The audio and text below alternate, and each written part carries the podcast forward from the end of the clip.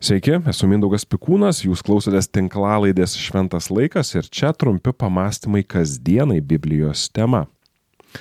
Apaštalas Matas savo Evangelijoje prisimena, jog Jėzui mirus, kitą dieną po prisirengimo dienos susirinko pas pilotą aukštieji kunigai bei fariziejai ir kalbėjo, valdove, mes atsiminėme, jog tasai suvedžiotojas dar tebe gyvendamas yra pasakęs, po trijų dienų aš prisikelsiu.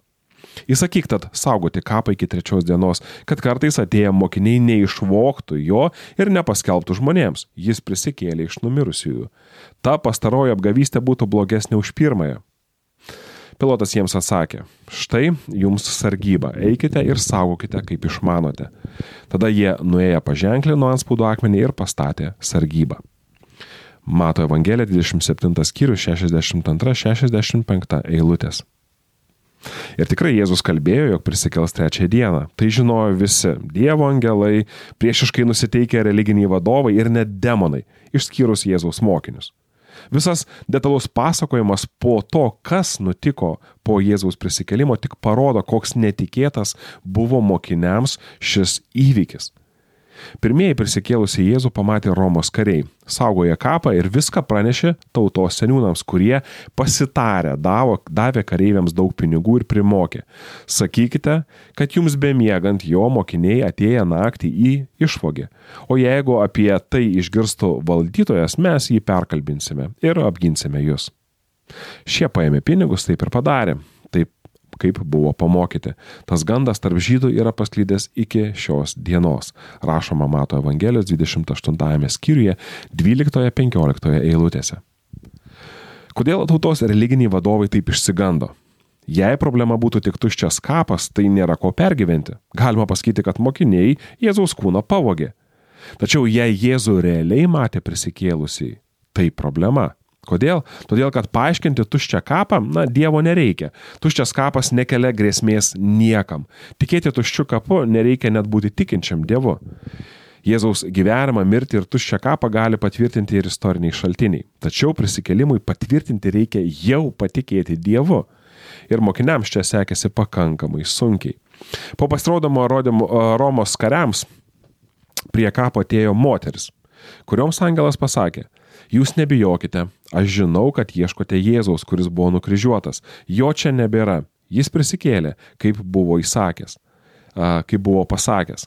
Įeikite, pasižiūrėkite vietą, kur jo gulėta ir skubiai duokite žinę jo mokiniams. Jis prisikėlė iš numirusiųjų ir eina pirmą jūsų į Galilėją, ten jį ir pamatysite. Mato Evangelija 28 skyrius 5-7 eilutės. Marijai Magdalietėjai pakniopstomis nubėgus į vietą, kur buvo susirinkę mokiniai ir jai sutikus Simoną ir Joną, Simoną Petrą ir Joną, ji pranešė jiems. Ir toliau rašoma jau Jono Evangelijoje, kad jos žodžiai buvo tokie. Paėmė viešpatį iš kapo ir mes nežinome, kur jį padėjo. Petras ir kitas mokinys nuskubėjo prie kapo. Bėgo abu kartu, bet tasai kitas mokinys pralenkė Petrą ir pirmas pasiekė kapo rūsį. Pasilenkęs jis mato paliktas drobulės, tačiau į vidų neina. Netrukus iš paskos atbėgo ir Simonas Petras. Jis įėjo į rūsį ir mato paliktas drobulės ir skarą, buvusią ant Jėzaus galvos, ne su drobulėmis palikta, bet suviniota ir atskirai padėta. Tuomet įėjo ir kitas mokinys, kuris pirmas buvo atbėgęs prie kapo. Jis pamatė ir įtikėjo. Mat jie dar nebuvo supratę rašto, kad jis turėsės prisikelti iš numirusiųjų. Jono Evangelija 20 skyrius 2-9 eilutės. Marija neišgirsta angelo žinios apie Jėzaus prisikelimą ir vis dar mano, jog Jėzų kažkas pavogė. Tai tik parodo, kokia radikali buvo ši realybė. Mokiniai ateina prie kapo, bet Jėzaus neranda. Jonui, manoma, kad e, kitas mokinys be Simono buvo kaip tik Jonas, užteko pamatyti tvarkingai paliktą kapą, kad įsitikintų, jog niekas Jėzaus nevogė ir gal Jėzus iš tiesų prisikėlė. Tačiau apaštlas Petras nebuvo toks tikras. Lukas rašo, kad Petras žvilgtelėjo pasilenkęs ir mato tik tais drobulės. Jis grįžo atgal be galo stebėdamasis tuo, kas buvo atsitikę. Luko Evangelija 24 skyrius 12 eilutė. Mokiniams grįžus namo, Marija Magdalietė liko prie kapo, vis apsiverkusi, kai ją sutiko du angelai, kurie paklausė ją, Moterie, ko verki? Jie atsakė, kad paėmė mano viešpatį ir nežinau, kur jį padėjo. Tai tarusi, jie atsisuko ir pamatė stovintį Jėzų, bet jo nepažino. O jis tarė jai, moterie, ko verki, ko ieškai? Ji matydama, jog tai, manydama, jog tai sodininkas atsakė, gerbiamasis, jei tamsta jį išnešiai, pasakyk man, kur padėjai, aš jį paimsiu. Jėzus jai sako, Marija. Jie atsigrėžė ir sušuko, hebrajiškai rabuni, tai yra mokytojau. Jėzus jai tarė, nelaikyk manęs, aš dar neįžengiau pas tėvą, verčiau eik pas mano brolius ir pasakyk jiems, aš žengiu pas savo tėvą ir jūsų tėvą, pas savo dievą ir jūsų dievą. Jono Evangelija 20 skyrius 13-17 eilutės.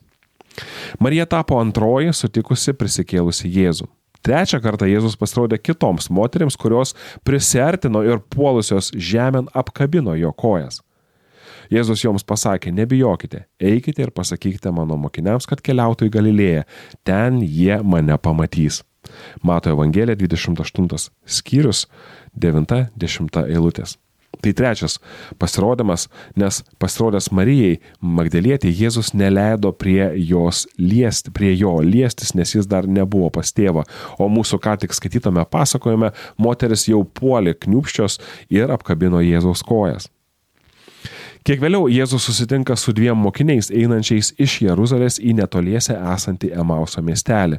Lukas rašo, kad mokiniai kalbėjosi apie visus tos įvykius. Ir jiems tai bekalbant ir besiginčiant prisertino pats Jėzus ir ėjo kartu. Mokinių akis buvo lyg mygla aptrauktos ir jie nepažino jo. O Jėzus paklausė, apie ką kalbate eidami keliu? Tie nuliūdė sustojo.